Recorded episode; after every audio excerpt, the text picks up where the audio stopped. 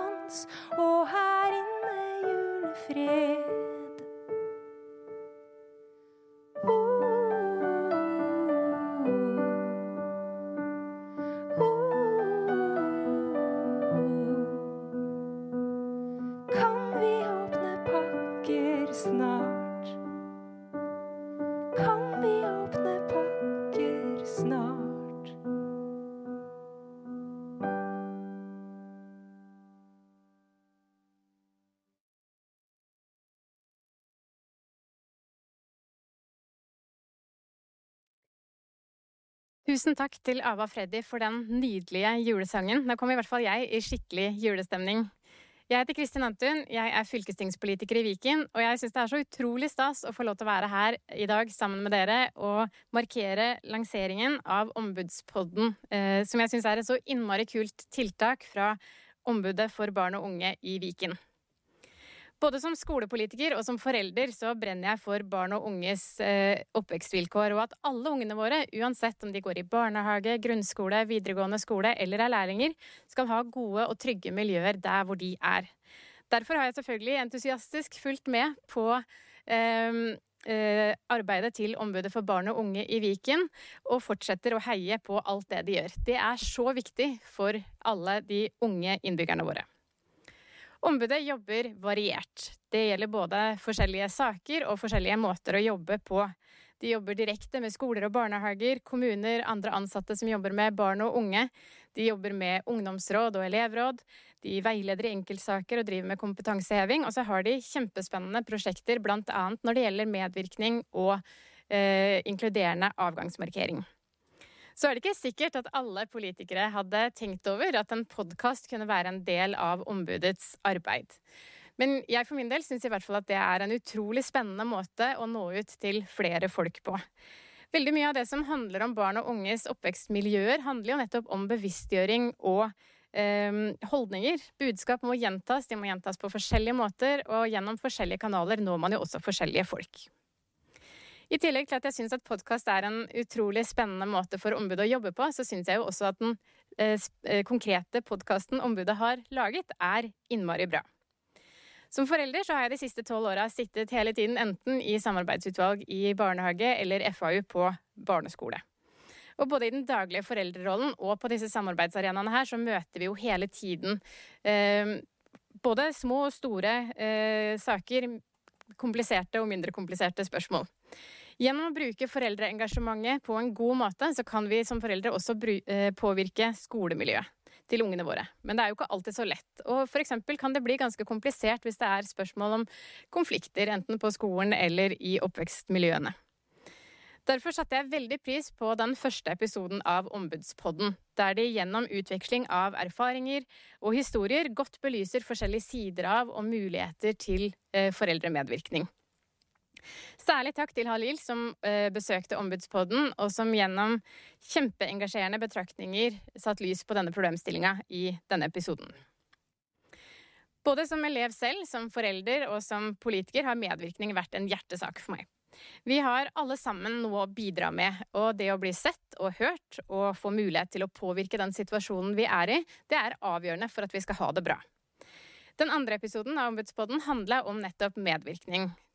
Takk til Antonio, som både gjennom sitt bidrag i denne episoden og gjennom sitt daglige virke som leder for ungdomsrådet i Viken, bidrar til god eh, medvirkning for barn og unge, og i tillegg gjør at vi voksne lærer og forstår mer av hva som funker. Som godt voksen TV-spillentusiast så er jeg opptatt av gaming. Både det som eh, all den gleden man kan ha gjennom spilling, gjennom eh, alt man kan lære, og selvfølgelig også at det skal være trygt og godt å være ung også når man gamer. Derfor ble jeg veldig gira når jeg så at episode tre av Ombudspodden handla om nettopp det. Takk til Lotta, som i denne episoden forteller om både gode og utfordrende sider ved det å være jente og kvinne som gamer og om hvordan vi kan jobbe for at skal, uh, også gamingmiljøene skal bli enda mer inkluderende og åpne for alle. Gjennom disse tre første episodene av Ombudspodden har Ombudet for barn og unge i Viken vist uh, noe av bredden i alt det som betyr noe for at det skal være godt og trygt å være barn og ungdom i Viken. Og alt det vi voksne kan gjøre for å, eh, å lære om for at vi skal kunne bidra på best mulig måte. I introen til Ombudspodden sier Hilde hver gang og kanskje blir du litt klokere. Og det kan jeg skrive under på at jeg har følt at jeg har blitt litt klokere for hver episode jeg har lyttet til. Og det takker jeg dere for. Takk for alt det dere gjør i ombudet for eh, ungene våre i Viken. Og gratulerer med lanseringen av Ombudspodden. Jeg oppfordrer alle til å lytte og lære, og gleder meg til fortsettelsen. Takk.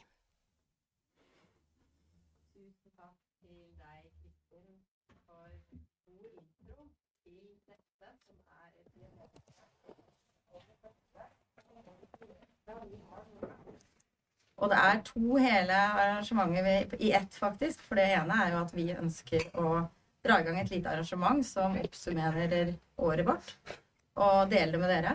Og det andre er at vi jo lanserer vår nye podkast, Ombudspodden, som nå ligger ute med tre episoder.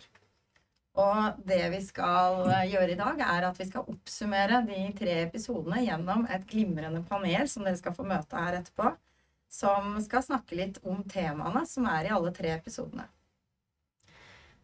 Og så kan man lure på hvorfor driver vi med dette. Vi er jo en gruppe på åtte stykker som jobber i hele Viken for at barn og unge skal ha det trygt og godt i oppveksten sin. Og vi jobber jo med alle barn fra null år ja, helt opp til de er ferdig med skole- og opplæringsløpet eh, som rundt 20. Og vi tenkte jo at uh, Og det, hvis vi skal oppsummere året litt, da, uh, så ser vi jo at det vi har som syns i media, det er jo sånne ting som avgangsmarkering, vi har jobba mye med russ. vi har vært i Pride-tog. Vi skulle gått i Oslo Pride, og så ble ikke det noe av. Og så har vi markert det med å være med i Drammen Pride, blant annet. Det er ting som syns utad. Men kanskje det aller viktigste vi gjør, er å snakke med barn og unge, deres foreldre, være ute på skoler. Og gjennom alle de fortellingene vi møter der ute, det er jo der vi henter informasjon, får ideer, inspirasjon til å jobbe med prosjekter som kan løfte temaer som kan gjøre det enda bedre for barn og unge å vokse opp. Og da var det faktisk en ungdom sjøl som sa det eh, hvorfor lager dere ikke podkast? Og da har jeg tenkt på det en stund og tenkt at nei, det tror jeg ikke vi får til. Men så eh, har jeg en kollega, eh, Hilde Enger Arntzen, som dere snart skal møte. Hun eh, sa at selvfølgelig er det mulig. Og gjennom hennes eh, engasjement så har vi fått til det. Og derfor er jeg veldig stolt av det her. Og podkast gir en flate som gjør det enda mulig å høre ting flere ganger. Og jeg er i hvert fall sånn at jeg lærer gjennom å høre ting flere ganger. Og eh, det, det å lytte på podkast er også noe du kan gjøre overalt. For der, det å være ute og høre på foredrag, det er vel og bra, men av og til så syns jeg det er ålreit å gjøre når jeg går ut, eller lager mat, eller Da både lærer jeg, og så blir jeg kanskje litt klokere også. Så det her er en oppfordring til dere, at jeg håper dere vil høre på podkasten vår. Vi har eh, jobba med den her eh, gjennom å snakke med barn og unge. Vi har hørt med dem hva slags tema som er så viktige. Og vi har snakka med mange som jobber i skole og barnehage, og hørt hva tenker dere er viktig. Og derfor så er de tre første temaene i podkasten foreldreengasjement, gaming og medvirkning. Medvirkning er noe av det viktigste vi driver med. Og vi ser at mange ønsker å ha med barn og ungdom og medvirke, men eh, av og til så får vi det ikke helt til likevel. Og jeg tenker at det å løfte det opp, det å snakke om det, det å vise mange måter å gjøre det på, og ikke minst høre med ungdom sjøl hvordan er det best å ta dere med, det tenker jeg er en viktig form å snakke mer om. Um, Hilde, kan jeg få lov å invitere min kjære kollega Hilde, som kan si litt mer om hvordan vi har jobba med å lage denne podkasten? Hei, Hilde. Hei, Bodil. Ja, det er jo et juleekstra her. Som ja, guri land. Ja. har vi, har vi pynta oss. Det er det vi har. Vi eh, liker å gjøre ting litt ordentlig. Ja. vi gjør jo det. Ja. Så det, det er veldig gøy. Takk i like måte. Hva gleder du deg mest til jul? Ja, ja, det kan vi snakke litt om. Um, ja, um, i år så gleder jeg meg veldig til å ha litt sånn lave skuldre. Og ha litt fred og ro. Det gleder jeg meg til. Med familie og de som er nærme meg. Mm. Hva med deg?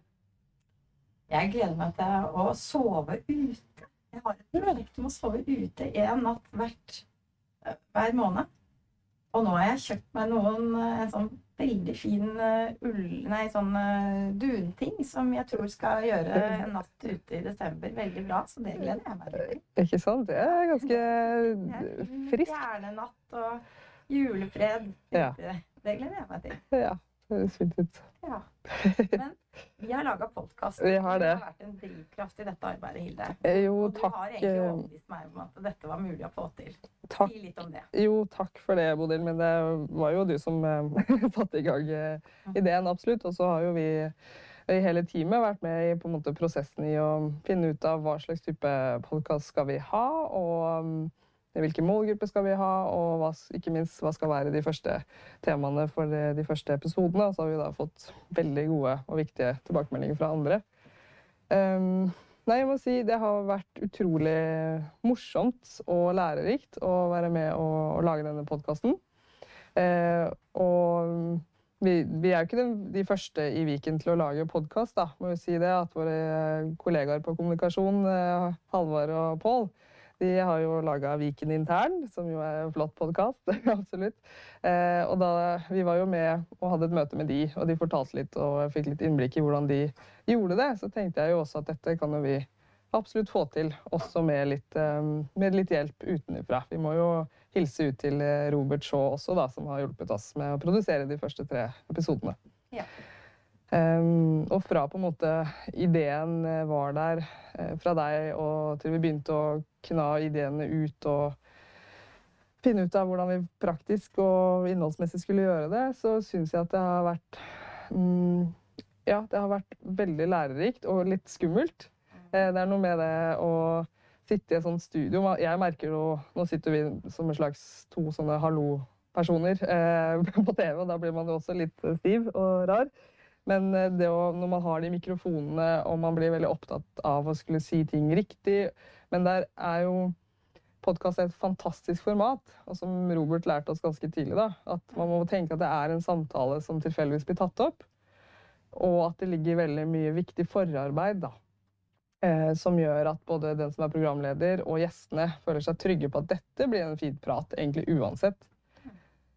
Um, og jeg har blitt utfordra på sånne ting som at forarbeidet skal være såpass solid at når jeg da går inn i den samtalen, så får jeg ikke lov til å ha med meg noe notater eller sånn. Nå har jeg gjort det i dag, men uh, det å på en måte være fullstendig til stede i den samtalen uh, høres høres, da. Um, og sånne ting har jeg lært masse av, som jeg prøver også å dra med meg ut i annet virke vi holder på med. Mm. Mm. Men du snakka litt om at vi har jo et kollegium som har vært med å spille inn. Og eh, hvordan kom vi fram til de første episodene? De temaene der? Ja, altså vi har jo har et, Vi har et veldig langt Google Docs eh, med masse forskjellige temaer, så det blir jo spennende hva vi velger for eh, våren da, videre.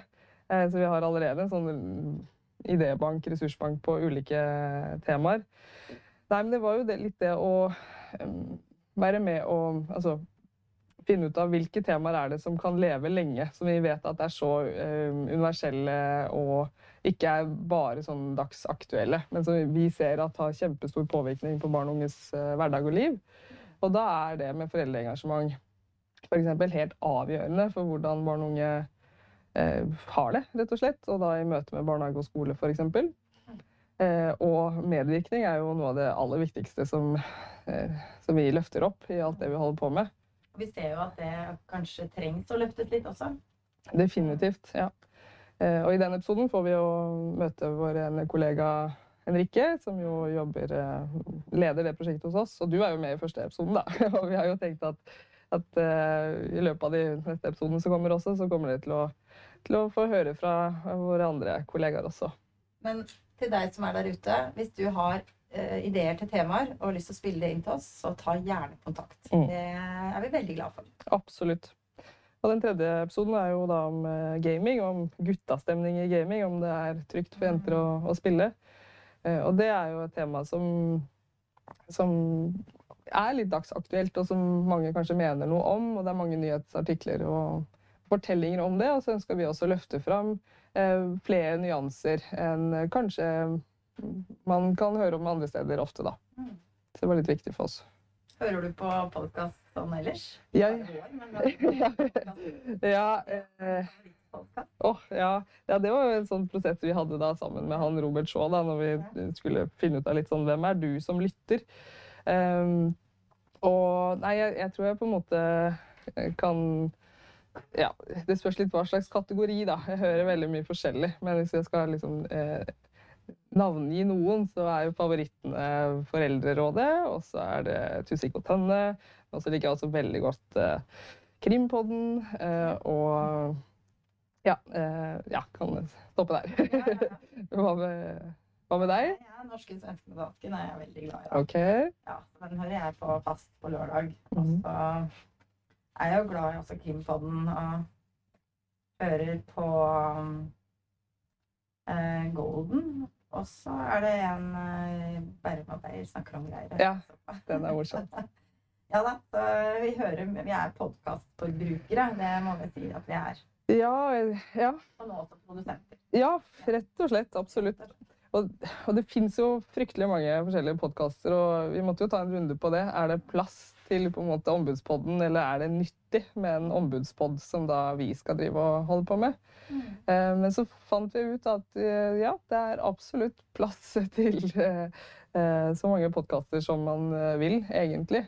Eh, Og at formatet gjør at ja, det kan leve lenge, og um, man kan høre på det litt, og så kan man slutte å høre på det, og så kan man fortsette å høre på det hvis man vil. Og ikke henge oss så voldsomt opp i uh, lyttertall og sånne type ting. Det er på en måte ikke det vi uh, uansett har fokus på i vårt virke. Liksom sånn kvantitet. Men uh, at det er en veldig fin måte for oss å løfte fram temaer som vi ser er viktige. Mm. Jeg glemte å si en veldig god podkast med Bruce Springsteen og Barack Obama. Den har jeg hørt tre ganger. Oh, ja, okay, Ja. ok. Nei, den vil jeg gjerne høre. Men hva tenker du veien videre, da, når, i vårt podkastombudsliv? Mm. Ja, ja, så du sa det jo i stad, men vi tar jo veldig gjerne imot innspill fra, fra dere som hører på nå, eller eh, andre, om eh, hvilke temaer man ønsker at vi tar, eh, blir tatt opp, eller om man selv ønsker å være en gjest. Absolutt. Så veien videre nå blir egentlig det å, å, å planlegge de veien videre med de neste episodene, da. Eh, og bare den der logistikken med å finne datoer som folk eh, og travle flinke folk kan samtidig, bare det er jo en sånn administrativ jobb. Ja. Vi lover i hvert fall at det skal være mange barn og ungdom også med i podkasten vår. Og Absolutt. vi kommer til å høre med dere om dere syns temaene er bra. Så det det kommer i hvert fall noe av veien videre. Ja, absolutt. Mm. Vi vil jo at det skal være nyttig. Og mange har kanskje lurt litt på hva som skjer med ombudsordningen nå når Viken blir delt. Og det kan vi jo også si at vi kommer til å fortsette som én samla gruppe. Og kommer til å jobbe ut mot alle tre fylkeskommuner, akkurat som nå. Så det blir ingen uh, stor endring, i hvert fall, uh, i, den, uh, i hvordan vi holder på. Så ombudspodden kommer til å fortsette i de tre Buskerud, Akershus og Østfold også etter 2024. Mm. Ja. Men da tenker jeg kanskje at det er dags for å høre litt på de andre som Det er flere som gleder seg til å høre på podkast? Ja, det er noen som har hørt Ganske mange som har hørt allerede. Det er veldig stas. Ja, vi har fått inn noen, noen hilsninger fra noen kjenninger fra, fra Viken, og som vi samarbeider med. Mm. Som hadde lyst til å fortelle noe om om at vi har laga podkast, rett og slett. Skal vi se på det, eller? Ja, det syns jeg vi skal. da gjør vi det. Hei, jeg heter Roger Ryberg og er fylkesordfører i Viken. Nå går jeg spent rundt og venter på å høre hva som står i den nye podkasten til ombudet vårt. Jeg gleder meg. Hei. Hei. Jeg heter Pål. Jeg heter Alvar. Og vi er så heldige å få være kolleger med ombudet i Viken, i Viken fylkeskommune. Og vi gleder oss veldig til å høre podkasten deres. Lykke til! Lykke til! Hei, jeg heter Ragnhild Lønstad. Jeg er koordinator for ungdomsrådet i Viken, som vi kaller for Ungdommens fylkesråd. Jeg gleder meg masse til å høre på den nye podkasten til eh, Ombud for barn og unge i Viken, Ombudspodden. Og regner med at det kommer masse spennende, relevante temaer der eh, etter hvert for alle oss som jobber med barn og unge. Eh, jeg kan jo allerede nå varmt anbefale episode to som handler om barn og unges rett til medvirkning, der leder i Ungdommens fylkesråd er med. Jeg heter Trym, jeg er medlem i Ungdomsrådet Viken, og nå har Ombudet for barn og unge i Viken kommet med ny podkast. Den heter Ombudspodden. Den ligger ute, i hvert fall på Spotify. Og de har nå kommet med en tredje episode som handler om gaming og guttastemning. Eh, det vet jeg at ombudet bryr seg om, eh, og jeg vet at de har mange gode synspunkter på det. Eh, så jeg gleder meg veldig til å høre hva de har å si om det. Og det håper jeg du gjør også. Så gå og sjekk ut Ombudspodden Spotify nå. Da kan jeg ønske velkommen dette staselige ensemblet av mennesker som sitter i sofaen vår. Julepyntet og fine og klare til å drøfte de første eh, episodene av eh, Ombudspodden. Og i eh, gruppa så finner du da Nikolai Aas, tobarnspappa, og også assisterende seksjonsleder for skole i Indre Østfold. Så dobbeltrolle der, eh, Nikolai. Eh, og eh, så er det Arsena Usman, sentralstyremedlem i Elevorganisasjonen. Og Ida Lindtvedt Røse, gruppeleder i Viken KrF, og også mamma til tre. Mm. Ole Martin Pedersen fra Kred og du er ikke mindre enn Du er tobarnspappa, men du ble pappa i forrige uke, faktisk, fikk du den siste. Så da er det jo ekstra hyggelig at du vil komme her og bringe, tilbringe dagen med oss. Jeg fikk lov på begge parter. Ja, ikke sant. Jeg vil si det. Og så er det eh, Hilde da som skal lede samtalen. Vær så god, Hilde. Takk for det. Ja, det er eh, veldig hyggelig å ha dere her, og dere ser fantastiske ut. Tusen takk for at dere er med på denne ja, det, er ingen ironisk distanse til dette juleopplegget. Dette er ramme alvor, rett og slett, og det er veldig flott at dere er med på. Um, yes, Nå har jo Bodil og jeg snakka litt om podkasten og allerede om noen av temaene for de tre første episodene. Men jeg tenkte at vi kunne begynne med en liten runde på om dere kan trekke fram én ting som dere har at, eh, bitt merke eller lært fra noen av de episodene som dere har hørt. Hvem vil begynne? Vil du begynne, Ida? Ja, flott. Um, jo, ikke at det på en måte kanskje er noe nytt. At selvsagt jeg har lært mye av gaming da, av den siste episoden. Jeg kan jo at eh, det er ikke mitt liksom, eh, profesjonelle felt sånn eh, til daglig. Men eh, det jeg sitter igjen med, eh, er jo eh, den foreldreinvolveringen som egentlig kreves i alle plan. Enten om det er det siste, da, gamingen, som man snakker også mye om i den episoden. Eller når det gjelder FAU, eller når det gjelder medvirkning. Em, og hvordan eh, vi både som foreldre, jeg må ta det til meg selv også Så må den skrus på, til og med.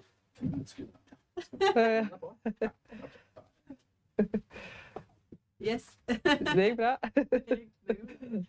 Eh, nei, altså hvordan eh, vi som foreldre må, må ta det inn over oss. Um, og ikke minst hvordan man fra de ulike ja, skole, barnehage osv. må legge til rette. Og så hva vi politikere kan gjøre for å sikre at foreldre em, føler at de kan involvere seg. Ikke sant? Så fint. Yes. Takk. Ja, Martin. Ja, det, det er veldig gode poeng det du har der. Eh, vi hadde en liten samtale på bakrommet her i stad hvor jeg trakk fram det med FAU. Egentlig viktigheten av et velfungerende FAU. Eh, for det er litt sånn eh, organ som går litt under radaren for mange, ser jeg for meg. Eh, Jeg kan huske når jeg var yngre, jeg husker mamma var med i FAU. Jeg ante ikke hva FAU egentlig drev med. Jeg tror ikke mamma visste det heller. Eh, og så ser du liksom nå at det er såpass stor forskjell da, på dem som faktisk fungerer, og dem som ikke får det til i det hele tatt. Eh, og det er jo ganske interessant å se det sett i lys av alle utfordringene man har i dag eh, innenfor skolevesenet. Det er ikke noe tvil om at det er mange utfordringer å, å ta i. Mm. Eh, jeg tror ikke man da skal undervurdere da, den effekten det har i å legge litt ekstra fokus på, på FAU. Mm. Og nå gleder jeg meg til dattera mi blir gammel nok til å begynne på skolen om ikke mange år. Ikke sant? Hun Og skal bli med FAU. Ja, Og så får du en mulighet. det, det, har funka for meg. Altså, sånn. Og så får du en mulighet før det, til og med allerede i barnehagen. Der er det jo SU, som er samarbeidsutvalget. Yes, bare gjøre seg klar. Så det blir bra. Takk. Og deg? Nei, eh, altså det som vi jobber med, er jo for det meste skole. Og det er derfor jeg syntes det var veldig gøy at eh, jeg syntes liksom Selvfølgelig syns jeg den med med dyrkning og sånn er mye spennende. Eh, men også på en måte å lære eh, nye aspekter og egentlig høre litt sånn der andre tilbakemeldinger om det. Eh, for jeg eh, syns jo at jeg har vært heldig og gått på en skole som har vært kjempeengasjert og eh, fått lov til å drive på med elevmedvirkning på forskjellige, tider, eller på forskjellige måter. Eh, men f.eks. det at det blir tatt opp at eh, tillitsvalgte kan jobbe eller være med å på en måte holde diskusjoner for lærere, eh, brukes til andre ting enn på en måte kun elevrådsarbeid. Og det er jo en ganske stor gjenganger egentlig, som på en måte kommer opp at Oi, man kan jo bruke elevrådet til det her. Eh, så jeg syntes liksom både at det var en viktig episode, men også at det var veldig gøy å se på en måte litt ulike aspekter på hvordan folk ser på medvirkning, egentlig. Mm. Takk. Ja. Jeg jobber i skolen, så jeg har jo eh, mange tanker om eh, det med elevengasjement, elevmedvirkning, eh, foreldreengasjement, foreldremedvirkning, FAU. Eh, Men i de podkastene jeg har hørt, så var det dette med gaming da, som jeg eh, tenkte egentlig mest på. Altså det, den eh, sosiale, det sosiale samspillet, fellesskapet, eh, som er ute i den digitale eh, verden. Eh, det er på en måte eh, fellesskapsfølelsen man får der. Eh, hvordan kan vi på en måte dra nytte av det og ta det med inn i skolen for å skape det store elevengasjementet? Eh, for det der tenker jeg det er et utnytta potensial. Eh, og det er klart at mange av de kompetansemålene vi har i skolen, handler om å, å digital kompetanse, utforske, utvikle digital kompetanse i samarbeid med andre. Så jeg tenker at her har vi et eh, kjempepotensial som, eh, som vi må utnytte. Mm. Så bra. Veldig enig. Og vi skal komme nærmere inn på den episoden eh, om litt. Men eh, ja, nå holder du jo mikrofonen, så jeg tenkte du kunne fortsette, Nikolai. Eh, ja, det er jo flere av dere som er foreldre, men eh, men hvis du vil på en måte begynne å snakke litt fra din erfaring da, som tobarnspappa, eh, med den første episoden så handler det da, eller den heter jo 'Foreldreengasjement til glede og litt fortvilelse?' spørsmålstegn. Eh, jeg lurer på Hvilke erfaringer vil du trekke fram fra din eh, karriere som, som forelder? Ja, jeg er pappa til eh, jente 9 og gutt 13. Eh, han på 13 har begynt på ungdomsskolen, og hun på 9 er i 4. klasse. Ja. Eh, altså, jeg bruker mye tid sammen med, med han eldste. Vi kjører mye inn til Oslo. Ja. Vi bor i Askim, så vi kjører mye inn til Oslo. Så vi får mye kvalitetstid sammen i bilen. Mm.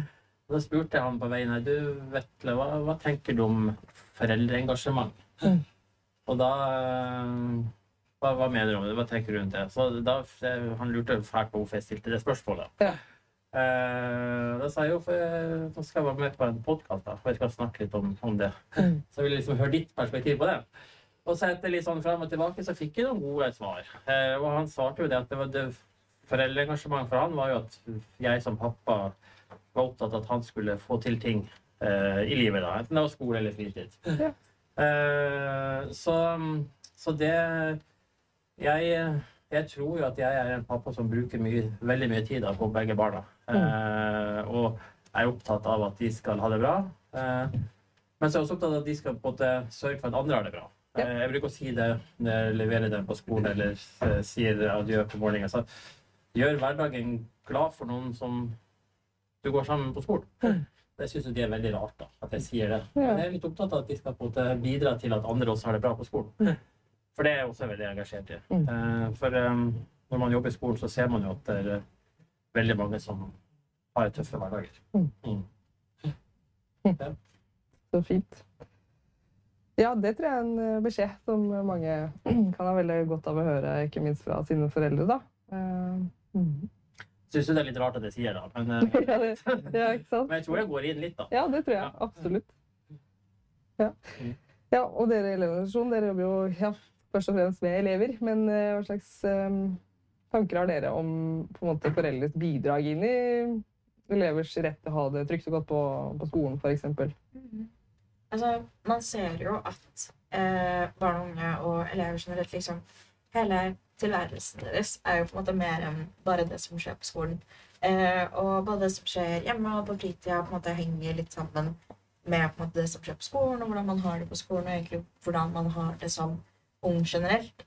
Eh, så eksempel gjennom Ungdata-undersøkelsen eh, som kom ut, så ser man jo eksempel tall på at eh, det er færre som engasjerer seg i fritidsaktiviteter, og det er vanskeligere å få folk med på liksom, andre ting som er frivillige og ung engasjement generelt, liksom. Mm. Og der kan man jo eksempel også kommentere på, på en måte, hvor stor rolle, eller hvor mye spiller rolle foreldrenes involvering i de ulike arenaene, på en måte. Mm. man ser jo at eh, ganske mange frivillige arenaer trenger jo frivillige foreldre som stiller opp.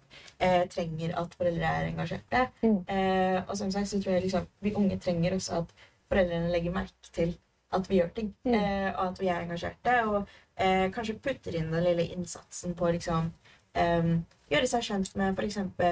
gamingplattformene man bruker. Eh, jeg sitter i et eh, ungdomsnettverk eh, hvor vi snakker om på en måte eh, ulike liksom, aspekter av digitalisering på skolen og egentlig gjennom hverdagen til unge. Mm. Eh, og der snakka jeg tror det var jeg fra Kandu eller Hyperion eh, om at liksom, hvis man ser på Hvis man på en måte sier at gaming ikke er sosialt for sant, Mm. eh, så kan man jo fortsatt se på en måte f.eks. Discord eh, og hvor store fellesskap og sosiale arenaer gaming egentlig har gjort, og liksom hvilke store plattformer det er lagd.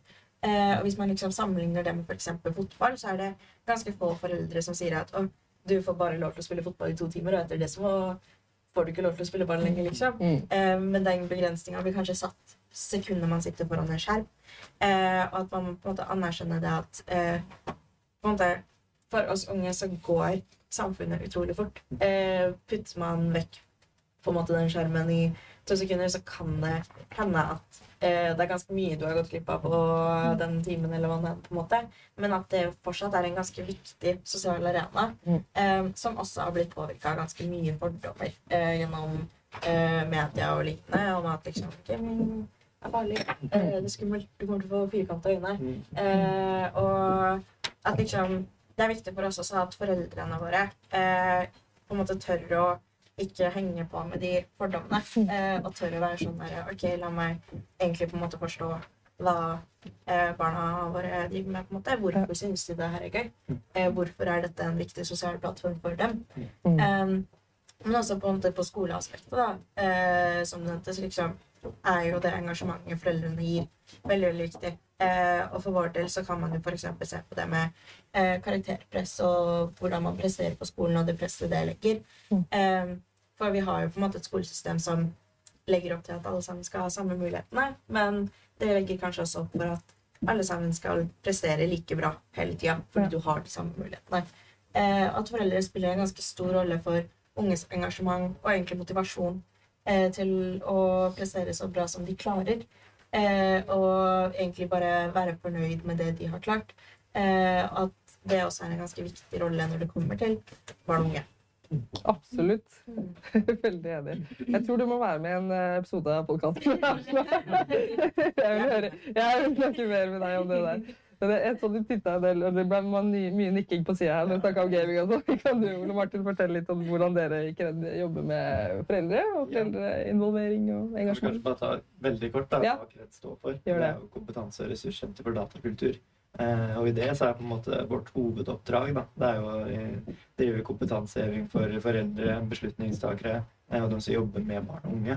Eh, og foreldre er ganske sentralt der. Og så er det litt den der hvordan er det man skal nå foreldre, da, som sitter litt sammen på gjerdet, ser det litt utenfra. Eh, og et av tiltakene vi har iverksatt nå, det er å gjennomføre skoleturneringer. Eh, og alle tror kanskje at eh, vi gjør det for at elevene skal ha en sykt kul uke på skolen. Eh, og ja, vi gjør det jo for det også, for det skaper veldig mange kule øyeblikk hvor du har elever som kanskje ikke tar så mye plass i klasserommet eller i gymtimen, som plutselig får lov til å skinne litt. Men du er også lærere da, som kanskje vanligvis ikke tar mye plass i læremiljøet, som plutselig er veldig på og, får en litt sånn ny rolle. Mm. men det vi gjør, det er jo å ta med oss eh, et fullt TV-studio, sånn at vi får sendt dette her direkte ut til foreldre som sitter hjemme. De får en link til en lokka YouTube-kanal hvor de får se eh, elevene virkelig kose seg, da. Og får samtidig litt sånn kompetansehevende trening. Eh, og det er et av tiltakene som gjør at vi plutselig får mange henvendelser fra foreldre i etterkant. For da får de liksom et ansikt på oss, de får noe kontaktinfo. Eh, og så har vi også en fysisk møteplass hvor Ida blant annet har vært på besøk. Eh, hvor vi har åpne, åpne spillskoler, som er helt gratis. Og der gjennomfører vi foreldremøter og foreldresamtaler. Eh, åpne dager for foreldre hvor man kan se eh, hva vi faktisk driver med. Eh, og spillskolen skulle egentlig være et forsøk på tre uker. Men takket være den, eh, det foreldreengasjementet, så er det nå en fast ordning hver eneste uke. Eh, og en veldig sånn, bare kort versjon av den historien. Vi hadde, skulle ha tre uker. Vi fikk noen midler, sommerskolemidler som veldig mange var heldige å få. Eh, gjennomførte da tre uker med spillskole. Og da har vi en mor som kommer med sønnen sin og nesten liksom skyver den litt sånn inn i lokalene våre. Og så tar hun oss til side og så sier hun at eh, jeg kommer til å ringe dere veldig mye de neste dagene. For sønnen min kommer ikke til å prate med dere personlig. Eh, Han har gått på ungdomsskolen nå i to år og ikke snakka med lærerne sine ennå. Så det er ikke noe dere gjør feil. Og vi tenkte ja, men det er helt greit. Eneste utfordringa vi så, er litt dårlig dekning i deler av lokalet og sånn, men så so be it. Eh, og riktignok, hun ringte oss mye et par-tre dager. Spurte når det var mat og sånt nå. Eh, og plutselig en fjerde dagen så snakker han til oss sjøl, ikke sant. Og vi syntes jo det var dritkult. Bare sånn Hei, han snakka. Og så sier vi det til mor når hun kommer for å hente, og så knekker hun bare sammen i gangen. Og det å skal trekke oss tilbake til kontoret etterpå, så sånn Yes, det var fine, fine uker dette her. sånn. Skal vi vente et år da, gjennomføre sommerskole neste år òg? Når vi liksom har knekt en kode, da. Eh, og det vi valgte å gjøre da, var jo da gå i dialog med foreldre som hadde barn med sosiale utfordringer. Hva er det vi skal gjøre for å få disse her involvert resten av året også? Eh, og det har faktisk resultert i at vi nå sitter og tester ut en alternativ skolearena. Så du kan se da at det at foreldre våger å vise seg sårbare, eh, gå rett i dialog med folk som faktisk kan hjelpe, det er så viktig å skape rom for det engasjementet. Det er kanskje det viktigste jeg vil formidle. Ja, Ida, du er jo liksom politikeren i sofaen her nå. Så du får Nå sånn kommer alle svar. Ja, og sånn politikersvar. Hva kan vi gjøre? Hva kan gjøres politisk for å på en måte legge til rette for å ja, gjøre tiltak da, for å fremme dette foreldreengasjementet og involveringa som vi hører er så viktig? Så ofte jeg får beskjed om å gi et politikersvar. Det gir jo ganske frie tøyler. Men... Nei, jeg, jeg tror jo noe av nøkkelen er at foreldre må ses på som ressurs. Eh, og eh, for oss politikere, vi er kanskje litt dårlige også vi til å anerkjenne det, og da på en måte drypper det nedover.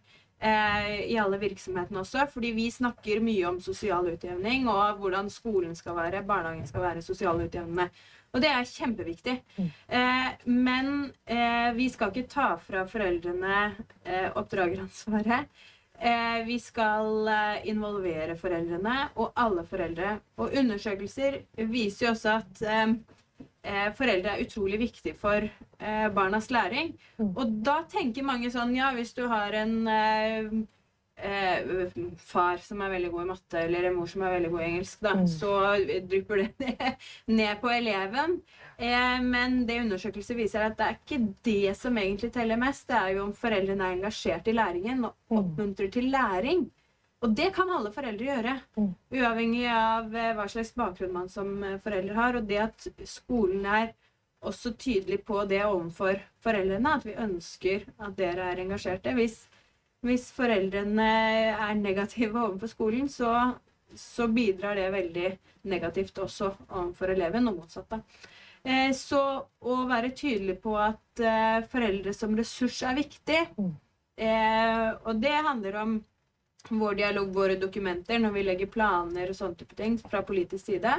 Men også som styringssignal, tenker jeg, ned til skoler og barnehager. Um, for det er ofte at det kommer i en sånn bisetning, og så er skole og hjem sentralt. Eh, men det er mer enn det.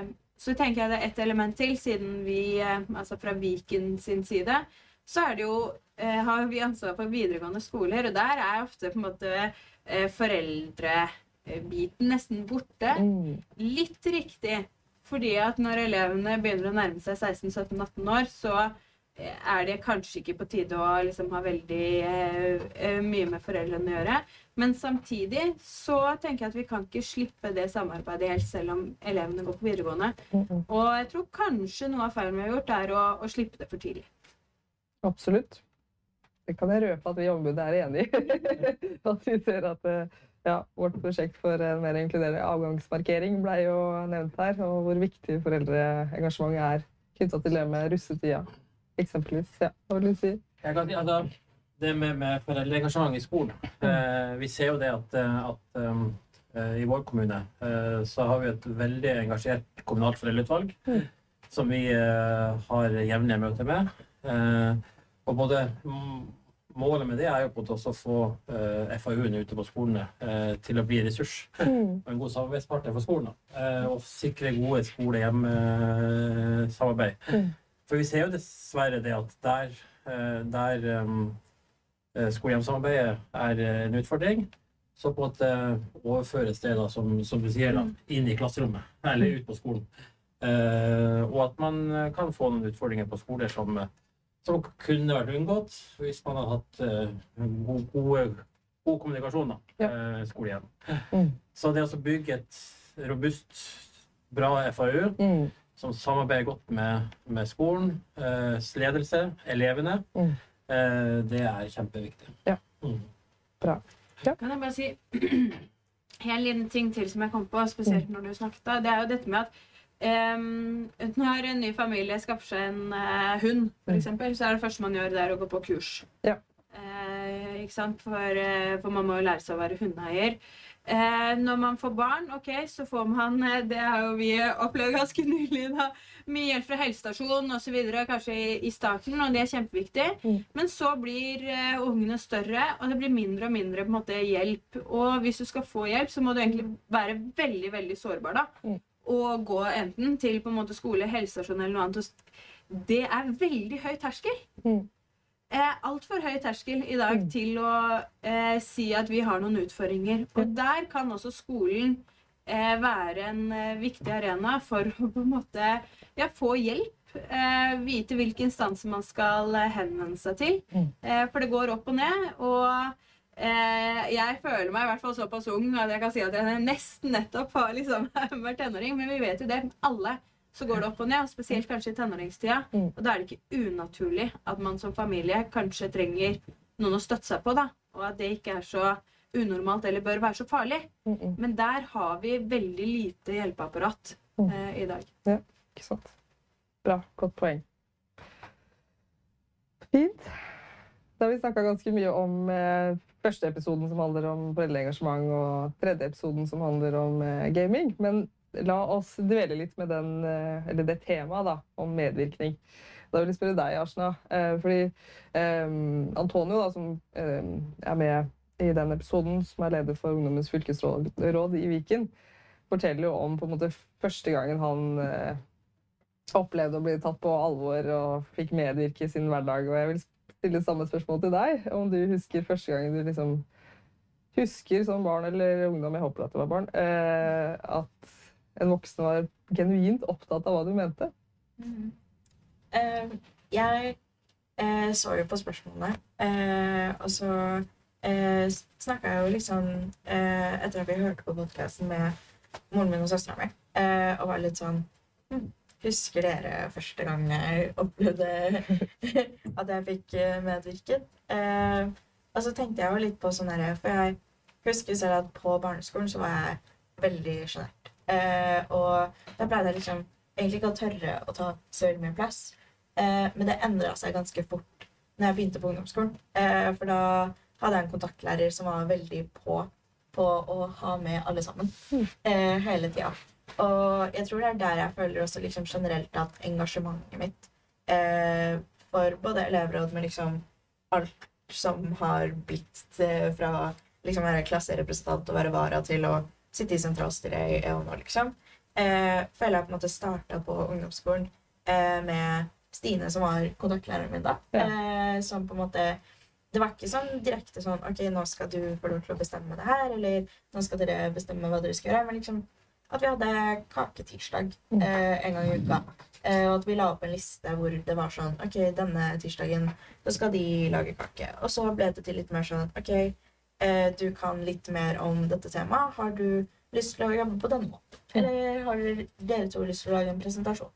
Eh, og det ble liksom Det ble mye friere tøyler for oss å vise hva vi var gode på, og hvordan vi var gode på det. Eh, og det gjorde ting så mye enklere, for jeg bare følte at ok, nå, nå kan jeg vise hva jeg er god på. Eh, og det følte jeg liksom bare ga meg mye mer engasjement, og at hun viste sånn genuin interesse eh, for egentlig hele klassen, og det vet jeg at eh, alle vi som gikk ut eh, fra klassen vår, på en måte skjønte på, var at ok, nå har vi faktisk hatt god oppfølging eh, gjennom skolen. Um, men jeg tror på en måte det var da jeg på en måte ble litt mer sånn OK, vet du hva. Jeg tør å ta plass nå. Mm. Ja. Fint. Yes. Ja, takk. Men nei, for vi har jo eh, i hvert fall nå i det siste vært med å planlagt en FoU eh, om akkurat elevmedvirkning, eh, som kommer ut i eh, tror den er lansering i januar. slutten av januar. Okay. Eh, og der har vi jo på en måte sett eh, egentlig effekten eh, elevmedvirkning har, og hvorfor. Eh, for det starta litt mer sånn OK, hva er egentlig elevmedvirkning? Og på en måte definisjonen på hva medvirkning er for alle de ulike partene som er involvert rundt skolen. Så både da på en måte elever og lærere og skoleledere og skoleeiere, eh, og egentlig se på en måte alle aspektene som er involvert i elevmedvirkningsprosessen. Eh, og noe man innså veldig tidlig, var jo at alle sammen har veldig forskjellig definisjon av elevmedvirkning. Men alle sammen mener også at det er veldig viktig.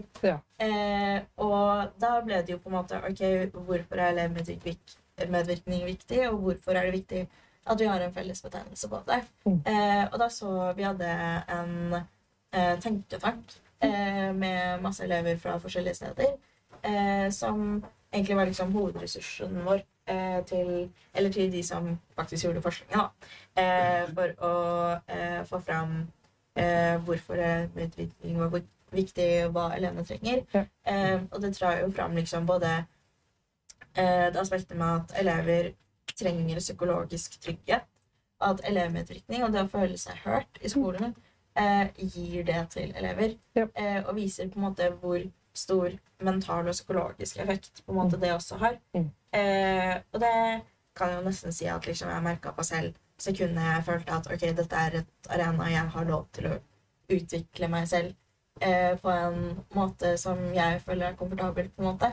Eh, det åpner mye mer opp til at ok, da tør man eh, å kanskje gå vekk fra den derre ok, A4-ideen av hva du trodde du skulle bli når du gikk i fjerde klasse, som var sånn ja, jeg skal bli lege, så skal jeg tjene masse penger og leve lykkelig og alt det der. Eh, men at man blir litt mer sånn derre hm, Hva er det jeg faktisk er god på? Da syntes jeg er gøy?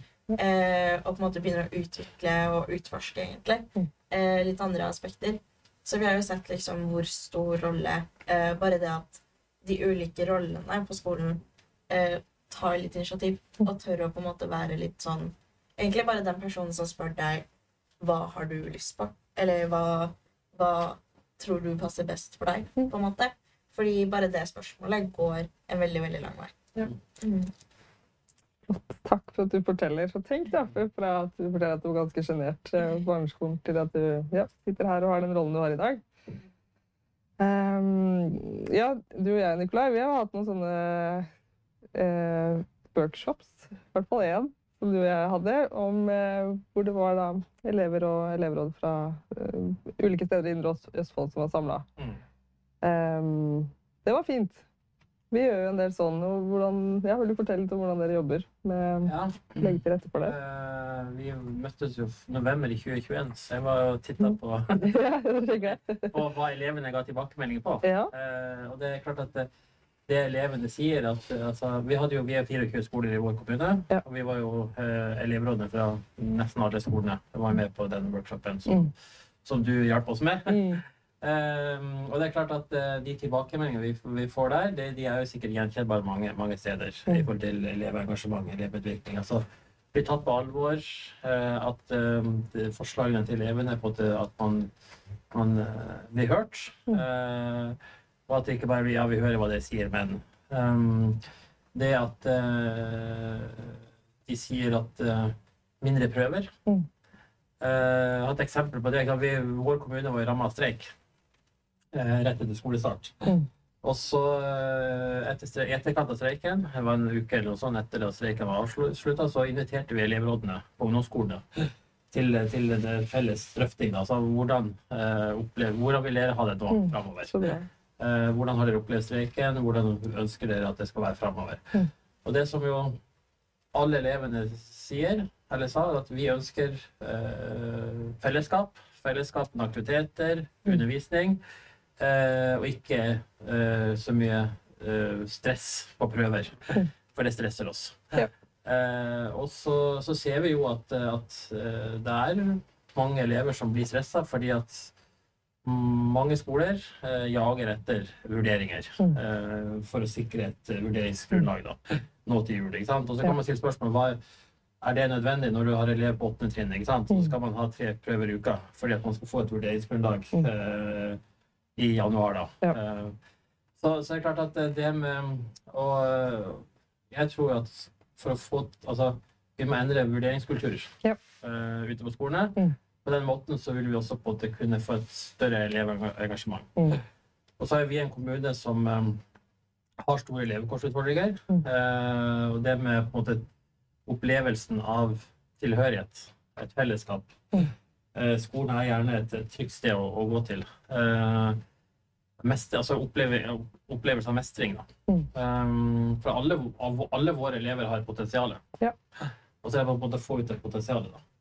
Og da tror ikke jeg at uh, summative vurderingssituasjoner uh, er veien å gå. Jeg tror vi må jobbe mye mer med, med å få til uh, andre vurderingsmetoder, og så at man eh, kanskje lytte mer til elevene i forhold til hvordan skolehverdagen skal eh, se ut. Ja, For der har vi også et kjempepotensial. Absolutt, ja. Ja, og det viser jo Ungdata-undersøkelsen også veldig tydelig at uh, ungdom er stressa for, for eh, skolearbeid. Um, og du nevnte jo også Ungdata-undersøkelsen i Arsenal med det med samfunnsengasjement. Og et spørsmål til deg, Ida. uh, med dette med Altså um, er Det er litt alvorlig, da, egentlig. Hvis vi ser på en måte det med eh, litt dalende samfunnsengasjement eh, Det er et demokratisk problem. Ja, det er kjempealvorlig. Eh, og hvis unge ikke opplever eh, å bli hørt, så er det veldig alvorlig fordi eh, unge stemmer trengs. Det er på en måte nummer én. Men også at hvis man opplever å ikke bli hørt, så er det ganske skadende. Ehm, undersøkelser har vist at å opprette ungdomsråd er kjempepositivt. det er veldig positivt hvis det funker. Eh, Da er det kjempemotiverende for engasjementet. Og jeg kan eh, avsløre at eh, jeg satt i ungdomsråd selv, og det var liksom starten på hvorfor jeg ble eh, samfunnsengasjert og ønsket å involvere meg i politikken etterpå. Mm. jeg tror ganske mange unge politikere også har hatt den veien inn. Eh, Men så ser vi på ungdomsråd som ikke fungerer, og det er det dessverre en del av det òg. Eller elevråd som ikke fungerer. Eh, Og eh, det er veldig negativt, fordi da opplever man at Vet du hva, jeg sitter her, men det betyr ingenting hva jeg sier, så da betyr det kanskje ingenting. Om jeg sier noe. Da gidder jeg ikke å si noe heller. Ehm, og eh, jeg tror det viktigste vi kan gjøre for å motvirke den trenden, er å uh, ja, ha de medvirkningsorganene, være tydelige på at de skal ha innflytelse. Eh, og selvsagt lykke, lytte til organene når de måtte har uh, synspunkt. Eh, og så er det noe annet å måtte alltid få gjennomslag enn å bli lytta til. Men eh, den opplevelsen av å bli tatt på alvor Fra eh, min egen tid, da, nå begynner jo det å bli noen år siden, men satt i dette ungdomsrådet, så hadde vi et innspill. Så ble vi da invitert inn på ordførerens kontor. Ok, Det ble ikke helt sånn som vi hadde foreslått. Men det at vi fikk sitte der sammen med ordføreren, forklare hva vi mente, og noe av det ble faktisk tatt med, utrolig mye å si. Så mye å si at jeg husker å fortelle det her. Ehm, så det er det ene. Og det andre er jo igjen da, dette med foreldrene. Ehm, hvis vi mister på en måte alle slags sånn fellesskapsmåltider, så mister vi også noe veldig viktig, altså arenaen til å snakke sammen, selvfølgelig, men også snakke om hva som skjer i samfunnet. Eh, og det tenker jeg er viktig at familiene tar tak i. At man eh, ja, snakker om samfunnsspørsmål, involverer eh, barna. Fra de er bitte små, kan man gjøre det. Eh, og la dem få medvirkning. Noen ganger så syns jeg at mine barn har litt mye medvirkning eh, hjemme. Eh, men eh, håper at eh, det kanskje tas igjen eh, senere. Det tror jeg på. Vi lar det være de siste ordene for denne samtalen. Tusen, tusen takk for at dere ville dele av deres kloke refleksjoner og erfaringer. Og takk for at dere har hørt på podkasten. Tusen takk for en spennende samtale. Det har vært veldig interessant å lytte til dere. Eh, Det dere tar opp nå med medvirkning, det har jo en større bakteppe, syns jeg, akkurat nå. For vi lever jo i en verden hvor demokratiet vårt er trua. Og så tenker vi at kanskje det, det må store politiske avgjørelser for å jobbe med det, men kanskje kan vi gjøre noe hver og en av oss. Det å lytte til et barn eller ungdom i jula, øve på å hjelpe dem og øve på å ha en god samtale. Ikke lage barnebord rundt eh, måltidet, som ble nevnt her, men sitte blanda. Høre, lage gode samtaler. Det er, det er demokratiøvelse, det òg. Og um, vi vil eh, takke for alt samarbeid vi har hatt. Med lærere, med foreldre, med barn, med ungdom, politikere. All den tilliten vi er gitt. For at dere deler deres historier, og for at dere bidrar for at barn og unge skal ha et trygt og godt sted å være. Oppvekst. Alle trenger en heiagjeng i livet.